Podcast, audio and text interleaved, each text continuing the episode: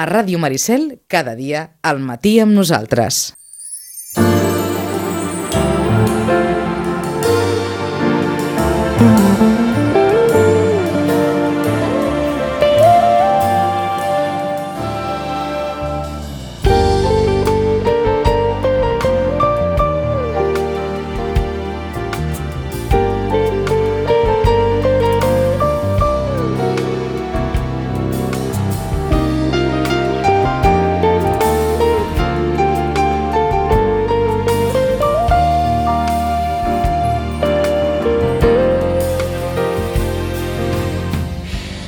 Que hem, hem començat molt tard i li demanem sinceres disculpes a l'Albert Balada, que ens està esperant des de, des de fa una estoneta perquè ha de marxar dos quarts i ens ho, i ens ho havia comentat. Saludem Joaquim Millan, bon dia.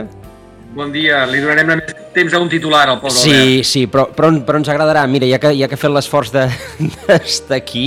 Ai, Albert, uh, us volíem preguntar pel resultat de les eleccions americanes, us volíem preguntar per moltes coses i res, no sé si, si demanar-vos allò una, una concreció d'alguna cosa, va.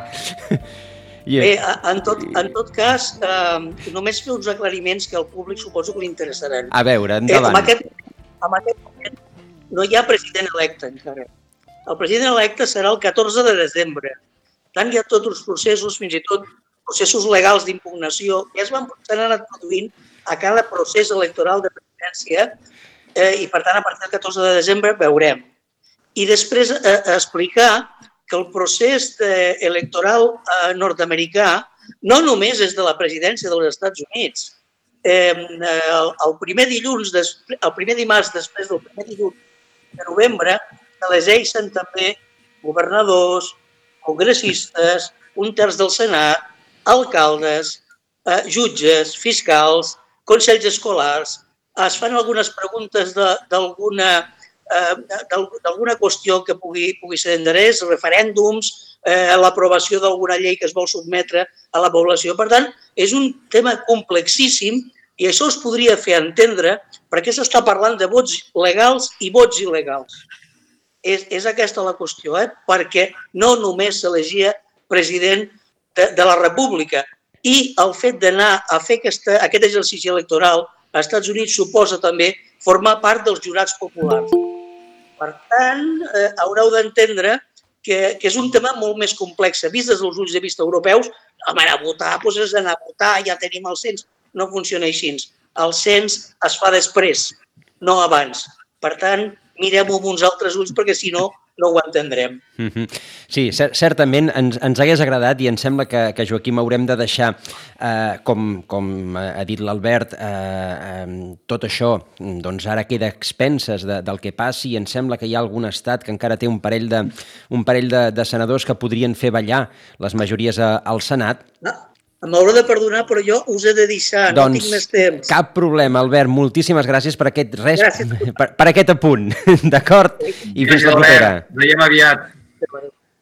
Doncs, eh, doncs això, això que comentàvem, Joaquim, eh, com, com hi, haurà, hi haurà temps, perquè, perquè aquesta partida doncs, encara, encara s'està jugant, ja veiem una miqueta per on, per on anirà al final, però, però eh, no només el que s'està jugant, sinó també les implicacions que després tindrà per a Europa aquesta, aquesta partida. Hem, hem començat així una miqueta, doncs això, per poder-li donar, donar una, miqueta, una miqueta de temps a, a, a l'Albert Balada, i mentre parlàvem, doncs ja se'ns ha incorporat la, la Neus Pociello. Neus, bon dia.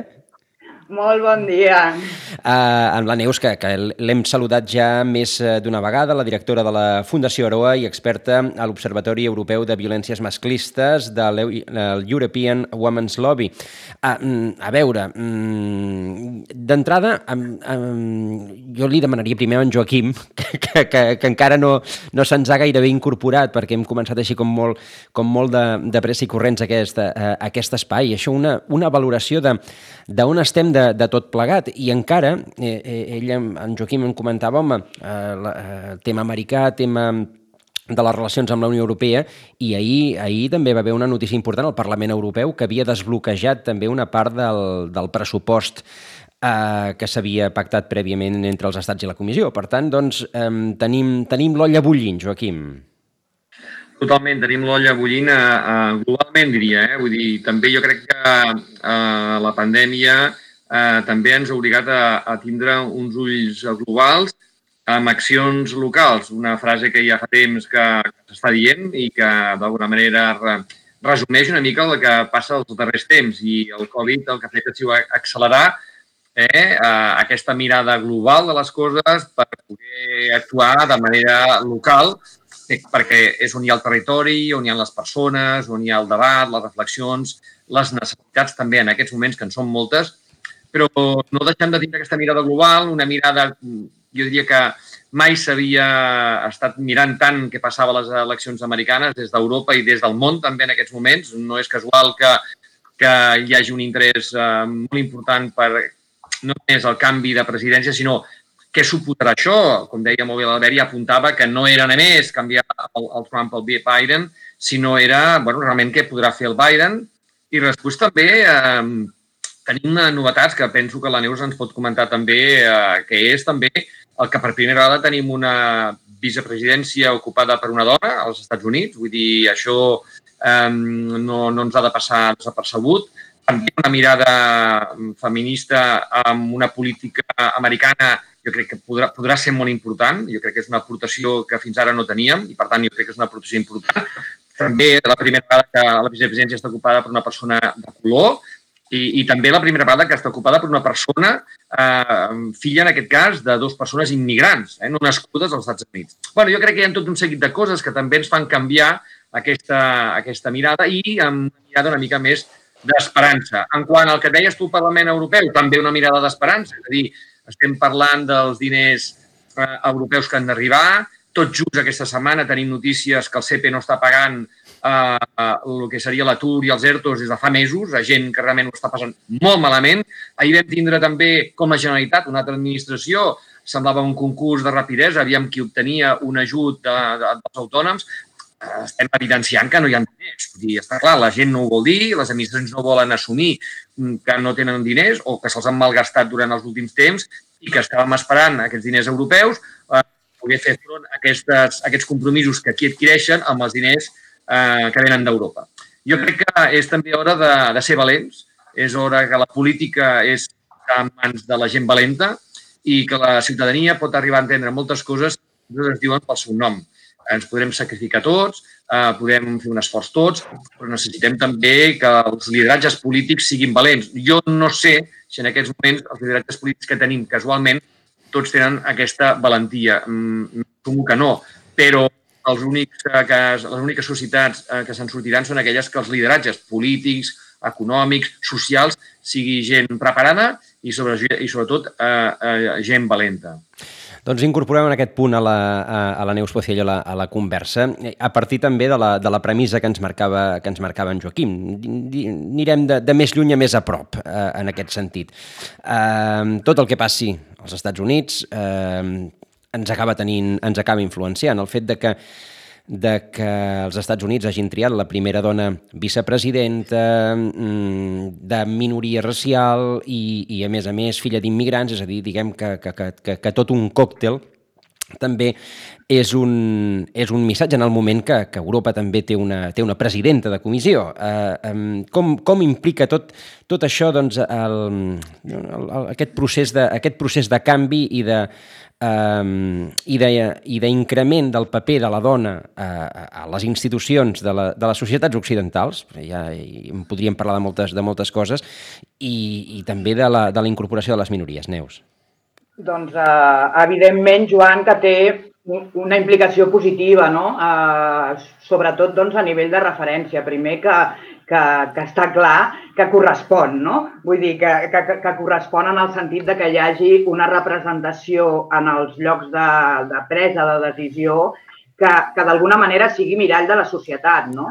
I, per tant, en aquest cas, doncs, les dones són més del 50% de la població i, per tant, en aquest espai no, de presa de decisió, la, la meitat com a mínim no, hauríem de ser dones com dic, és un, és un, hauria de ser un mirall de la societat i, i aquí implica, no? i per això també eh, la vicepresidenta, nova vicepresidenta dels, dels Estats Units, Kamala Harris, doncs, fa molt de mirall també per, perquè incorpora moltes diversitats, no? moltes de les diversitats que tenim a la societat, perquè una cosa és que hi hagi una molt baixa representació de les dones en els llocs de lideratge i l'altra cosa és que doncs, persones racialitzades o persones de més edat o persones amb, amb, amb diversitat funcional tampoc no? hi són representades i en el seu cas, com estàveu molt bé apuntant, doncs amb la seva pròpia persona ja recull, no? ja fa testimoni no? d'aquest pas endavant.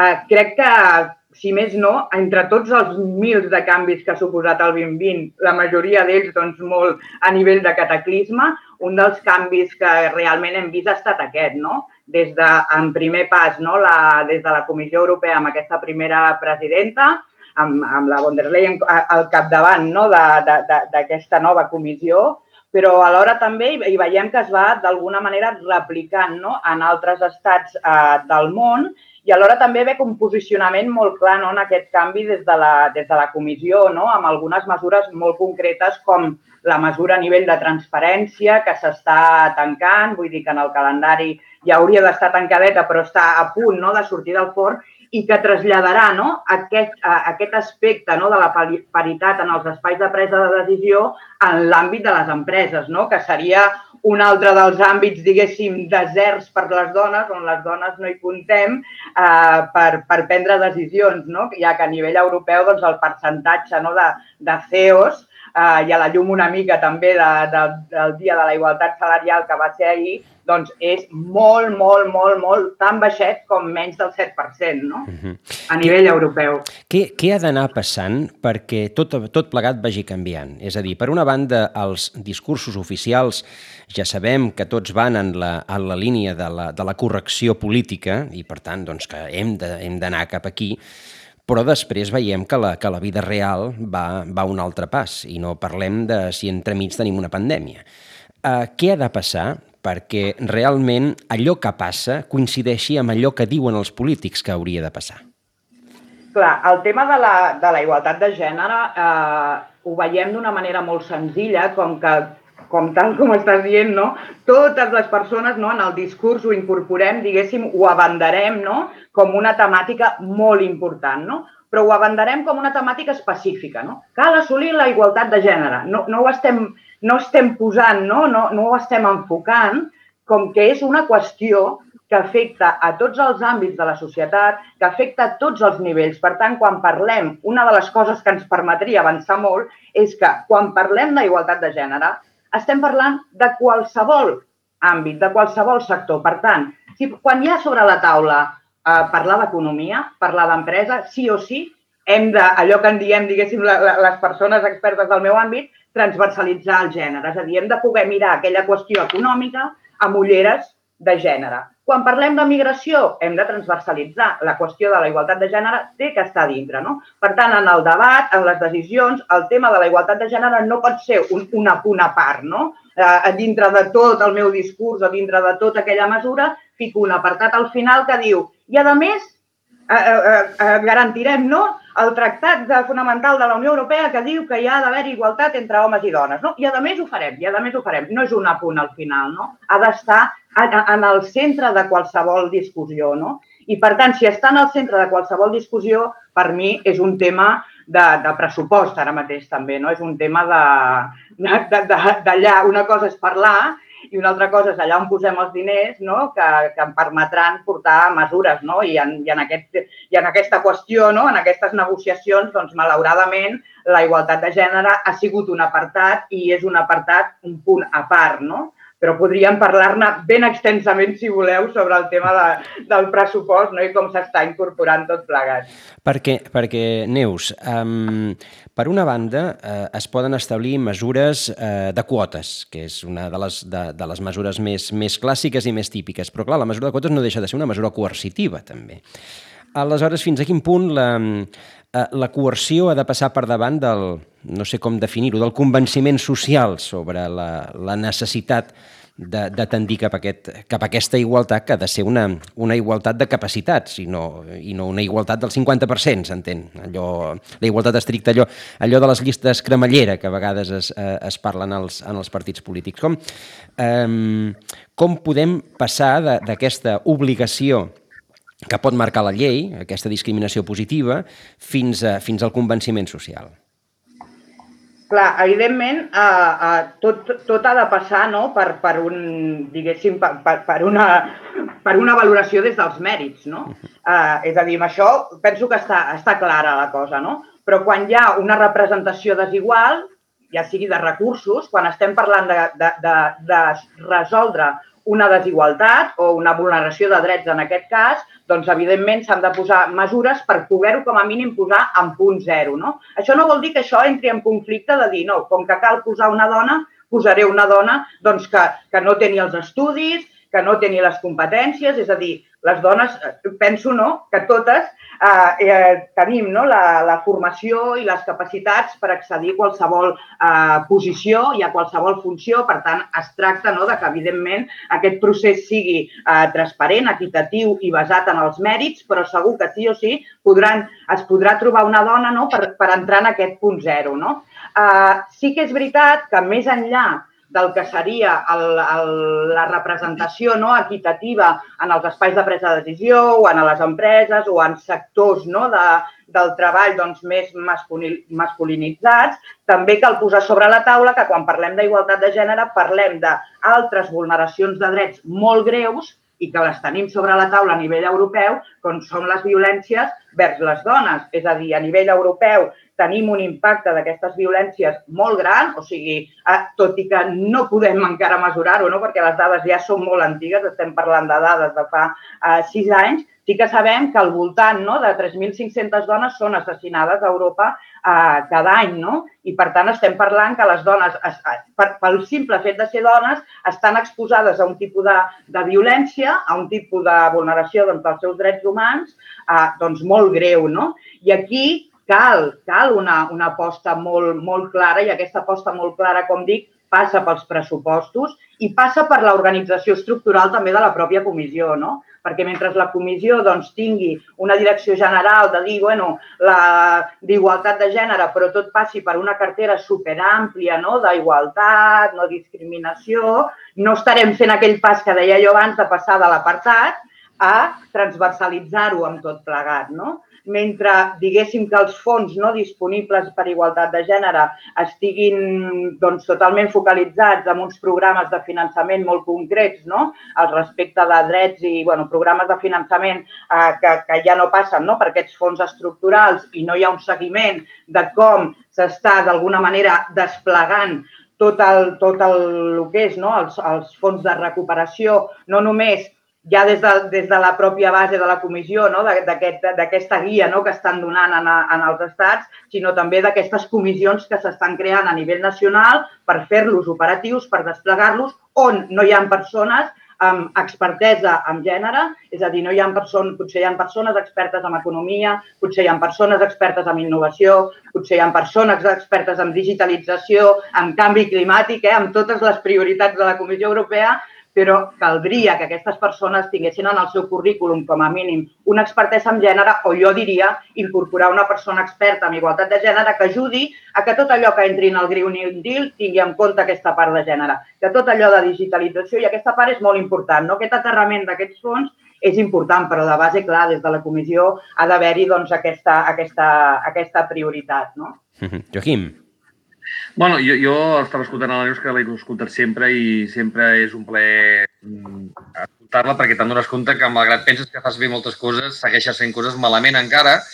I penso que, en aquest sentit, em fa reflexionar eh, en, un, en un àmbit que, que sempre es toca i jo crec que seria, crec, intueixo que hauria de ser més fàcil poder eh, incidir aquí, que és l'àmbit de l'educació. És a dir, eh, tots hem estat educats eh, amb uns hàbits i costums, amb uns valors socials, etc que ens fan veure la societat i ens fan veure la vida d'una manera pensant que és la correcta i assumint que ho estem fent bé. Després, a vegades, xoquem amb la realitat, la realitat és molt tossuda, t'acabes xocant amb la realitat, te'n dones compte que objectivament hi han coses que estaves fent un malament pensant que les estaves fent bé, no? I per tant vol dir que aquí falla alguna cosa.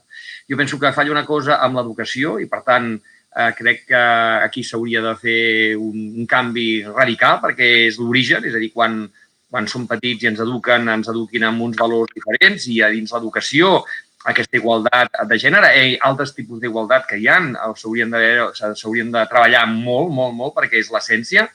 I a, i a conseqüència d'això també un altre tema que penso que està molt lligat amb el que la Neus comentava de la, de la violència i, i dintre d'uns dies, eh, eh, desgraciadament, hem de commemorar o en cas parlar, reivindicar eh, un, una, una lacra que tenim social, que és la violència eh, masclista i especialment sexual, i per tant també l'educació sexual, que tampoc eh, em consta que encara avui en dia eh, s'acaba resolent en una conferència un dia d'un expert i va que xuta. És a dir, eh, quan parlem d'educació sexual també, penso que és molt important, perquè una part d'aquestes violències eh, em consta que tenen també una connotació sexual. Per tant, eh, Neus, estic segur que aquí ens pots dir moltíssimes coses, però, però no sé, com podríem passar realment a incidir a l'acció en un tema que a priori em dóna la sensació que pot ser Eh, no diria fàcil, però que més assumible, no? Doncs una mica lligant-ho amb el que deia al principi, no? Uh, primer de tot fent aquest pas no, de que l'educació sexual o afectiva no, o, la, o el que en diem la coeducació, és a dir, l'educar des, de, des de P3 no, en, la, en la igualtat, no, en, tot el que, en tot el que fem, doncs deixi de ser com un valor afegit no, que, algun, que alguns centres no, poden incorporar i passi a ser una qüestió curricular. No? eh, em consta no, que des del Departament d'Educació, doncs, de, de, en aquest cas, eh, s'està fent no, tot una prova pilot i, i de fet nosaltres l'any passat vam tenir l'oportunitat de treballar uns materials de formació pel professorat, vull dir que hi ha aquesta intenció, però jo mirant una miqueta, una miqueta la mirada enrere, eh, perquè ja, ja ens ha passat altres vegades, sé que aquestes intencions es despleguen aquests projectes pilot, es, es duen a terme, hi ha bons resultats, es fa bé, però de sobte, quan canvia a vegades doncs, la, la prioritat o l'orientació, llavors es deixa de fer. No? I, per tant, sempre queda supeditat a la, a la prioritat del departament segons la voluntat política en, en, en molts dels casos. No? I hauria de ser un tema obligatori, no? un tema curricular, és a dir, és part del desenvolupament de les persones per poder no només eh, tenir relacions, eh, diguéssim, sanes no? i saludables entre homes i dones, sinó entre totes les persones, no? perquè el fet de promoure aquest tipus d'educació afectiva i sexual, en primer lloc et dona elements per poder treballar la relació amb tu, mateixa, amb tu mateix i amb com et relaciones amb els altres d'una manera eh, doncs, eh, més sana. Però clar, està clar que a nivell europeu també tenim una problemàtica amb això. No? Us feia l'anàlisi una mica local no? i a nivell, doncs, si fem l'anàlisi una mica europeu, doncs ja sabeu vosaltres no? que tot el que són eh, qüestions no? eh, doncs, com, com seria l'educació passa per uns estàndards de recomanació que després doncs, cada estat eh, d'alguna manera doncs, eh, fa i desfà. No? I en aquests temps doncs, de, de Covid hem vist com alguns estats realment més que fer volen desfer eh, temes molt importants a nivell de drets sexuals i reproductius de les dones, com hem vist doncs, fa una setmana en el Parlament de, de Polònia i hem vist les grans manifestacions no, dels moviments de dones perquè es, es, es, es vol legislar, de fet es va aprovar no? eh, que les dones no tinguessin dret accés a l'avortament ni que els, el, hi hagués un dany fatal o un risc per la vida de la mare. No? I per tant, amb un, tot i que això porta cua, que ja fa anys que ho intenten, vull dir, ho van, ho van portant, ho van posant sobre la taula, aquesta vegada semblava que havia avançat, tot i que han reculat una miqueta per la pressió social, però per mi la reflexió és molt més de fons, no? Realment un estat membre eh, de la Unió Europea eh, dintre d'aquesta llibertat no, de transposició d'alguns temes eh, pot tenir màniga ampla en vulnerar un dret humà com és el dret a l'avortament, que ja Nacions Unides als anys 90 el va incloure com a dret humà de les dones. No? Per tant, hi ha reflexió de fons, hem vist alguna, alguns estats que han anat fent doncs, això, aquesta màniga ampla amb el que són els drets de les dones, amb el tema d'educació sexual i, i afectiva i també amb el tema dels drets eh, reproductius i sexuals. A partir del que comentava la Neus, a mi eh, se'm plantejaven com a mínim dues, dues qüestions. Per una banda, eh, ara, ara mateix ho hem esmentat, i a la negociació pressupostària la, en el marc de la Unió Europea, una, un pressupost que, òbvia, eh, que òbviament haurà d'afrontar d'alguna manera la sortida de la, de la crisi de la, de la Covid, si, si l'any que ve en podem sortir. Fins a quin punt això perjudica o mm, doncs, eh, beneficia aquesta, aquesta aspiració de la, de la presència eh, de, de, de, de la igualtat de gènere a, a, tots, a, a tots els nivells i que deixi allò que comentava abans la Neus de ser un departament. Això per una banda. I per una altra, eh, això darrer que, que esmentaves, el, el fet que eh, hi hagi marcs culturals tan diversos en el si de la Unió, des del marc Portugal, eh, eh, perdó, des del marc cultural de Polònia o d'Irlanda eh, fins, a, fins a països doncs, que, que tenen mm, doncs, una concepció social molt més, molt més oberta, per dir-ho d'aquesta manera, eh, retarda, perjudica aquesta, aquest necessari pas cap a, cap a, aquesta, cap a aquesta igualtat, eh? per la necessitat, entre, en, en certa mesura, d'harmonitzar allò que deies de la, de la transposició, de la llibertat de la transposició d'allò que ve des d'Europa. De, des T'he fet dues preguntes molt diferents, eh? però més o menys a veure si... A, a, a veure si ho encaixo, a veure si sí. ho encaixo i me'n recordo bé. Bueno, començo per la, per la darrera, no? perquè sí que Eh, clar, jo, jo sempre m'agrada centrar una mica l'anàlisi en el que són els, els, els, els valors fonamentals no? de, la, de la Unió Europea, és a dir, en un marc més ampli, no només a nivell d'igualtat, sinó en, en aquest marc més ampli d'igualtat entre totes les persones i, per tant, per qui passa la igualtat en primer lloc entre, entre homes i dones. I, clar, eh, com estava dient, realment penso no? que, la, que, la, que la conjuntura actual d'alguna manera fet saltar més els extrems, però eren extrems que ja hi eren. No? Igual que quan parlem doncs, que l'impacte de la crisi sanitària de la Covid ha mostrat més no? les desigualtats en el treball de cura, per exemple, és a dir, que el que ha fet és posar una lupa no? en aquelles desigualtats que ja, que ja hi eren, doncs a nivell d'aquestes diferències no? constitucionals, culturals, eh, i aquesta gran diversitat no, dels estats membres, també la Covid ha posat una, una lupa no, i ha fet amplificar, ha fet aflorar no, en aquesta tensió interna no, dels estats per donar resposta a la Covid aquella, a, aquelles qüestions que no estan encaixant amb, amb, amb aquests valors fonamentals eh, europeus. No? La, la, la qüestió de la igualtat de gènere, però, és, és, és una mica complexa, no? perquè hi, havia aquests, hi haurien aquests estats més, més obvis no? que, que tu deies i, jo, i nosaltres des de l'estudi que estem fent de, de l'estat de la implementació del conveni d'Istanbul, que diguéssim que és el marc no? a, a nivell de la lluita contra les violències masclistes, ja teníem identificat així per lo general no? Que, del, que el 96% dels estats no? que l'han ratificat eh, i aquí hi ha una gran diversitat d'estats, no estan implementant les mesures, per tant, no estan implementant els, els, els compromisos adquirits. No? Per tant, tot i aquesta gran diversitat, Sí que és veritat que, que la qüestió de la, de, la, de la vulneració de drets humans de les dones o de les desigualtats de gènere va una mica més enllà, perquè feia referència no, d'algun país, no, per exemple, doncs, eh, des d'aquests països com, més com Polònia, Bulgària, eh, eh, que estaves comentant, però també podríem parlar no, de Suècia, Noruega, altres països més del nord, no, que podrien ser referents en igualtat de gènere en matèria doncs, de, laboral, en matèria doncs, de, de, de lo que és tot el, el, el treball de, de cures, no? el, el reforçar no? la part familiar, el reforçar el, el, el treball, com dic, no? de, de, de, de cura no? de persones dependents, però per altra banda tenen uns índexs de violència masclista elevadíssims. O sigui, Suècia té un índex super elevat no? de, de, de, de violència masclista. I bueno, podríem aquí anar ampliant l'anàlisi, no? Però sí que ja lligant-ho amb la primera pregunta que em feies, l'impacte de, de, de la Covid és a tota la societat, no? Però sí, Eh,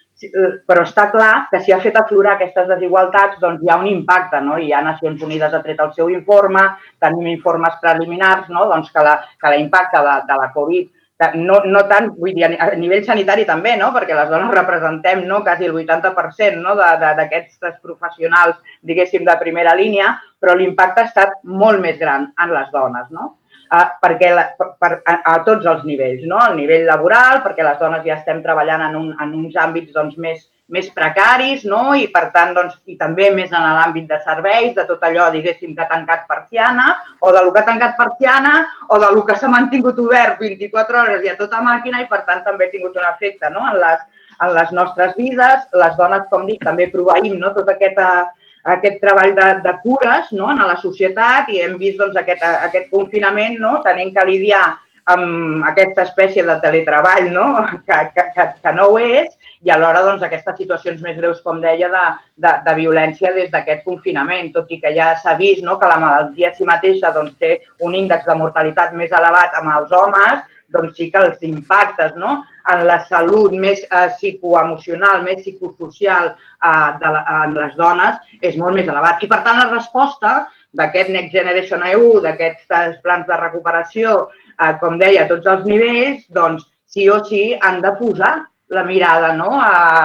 De fet, la, la, la, la comissió no? per la recuperació econòmica i social de, del nostre govern de la Generalitat de Catalunya, doncs, en, la, en les prioritats no? d'aquest pla de reactivació econòmica, el primer eix és economia per la vida, no?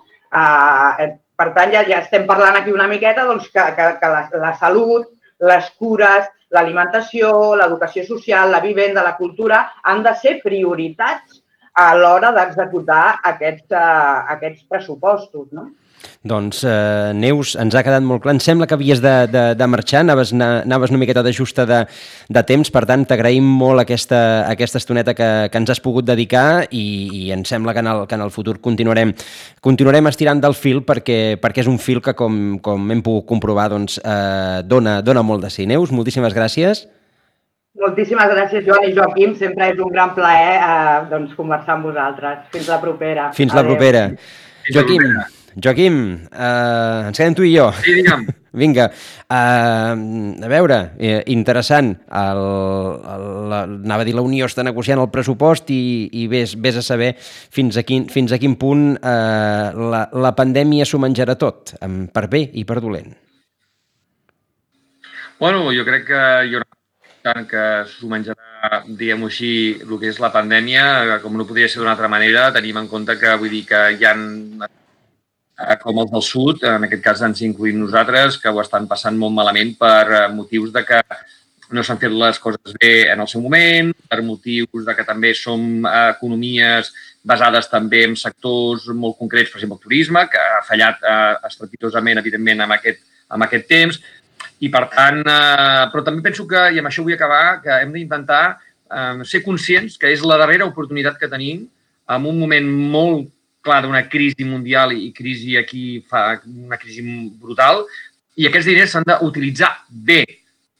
Bé vol dir per transformar realment l'economia, una economia innovadora, una economia positiva, una economia endavant, resilient, sostenible. No fer rotondes que no serveixen per només anar donant voltes. Hem de fer alguna carretera que vagi a un lloc. Per tant, utilitzem-los bé perquè és la darrera oportunitat que tenim. Doncs a veure, toquem, toquem fusta, perquè si després eh, hi ha una carretada de diners i no el sabem gestionar, Uh, ho pagarem. Uh, Joaquim, des d'Eurolocal, moltíssimes gràcies. Aquesta hora d'Europa atropellada, però interessant. Interessant, sempre, aquesta reflexió. Sempre interessant.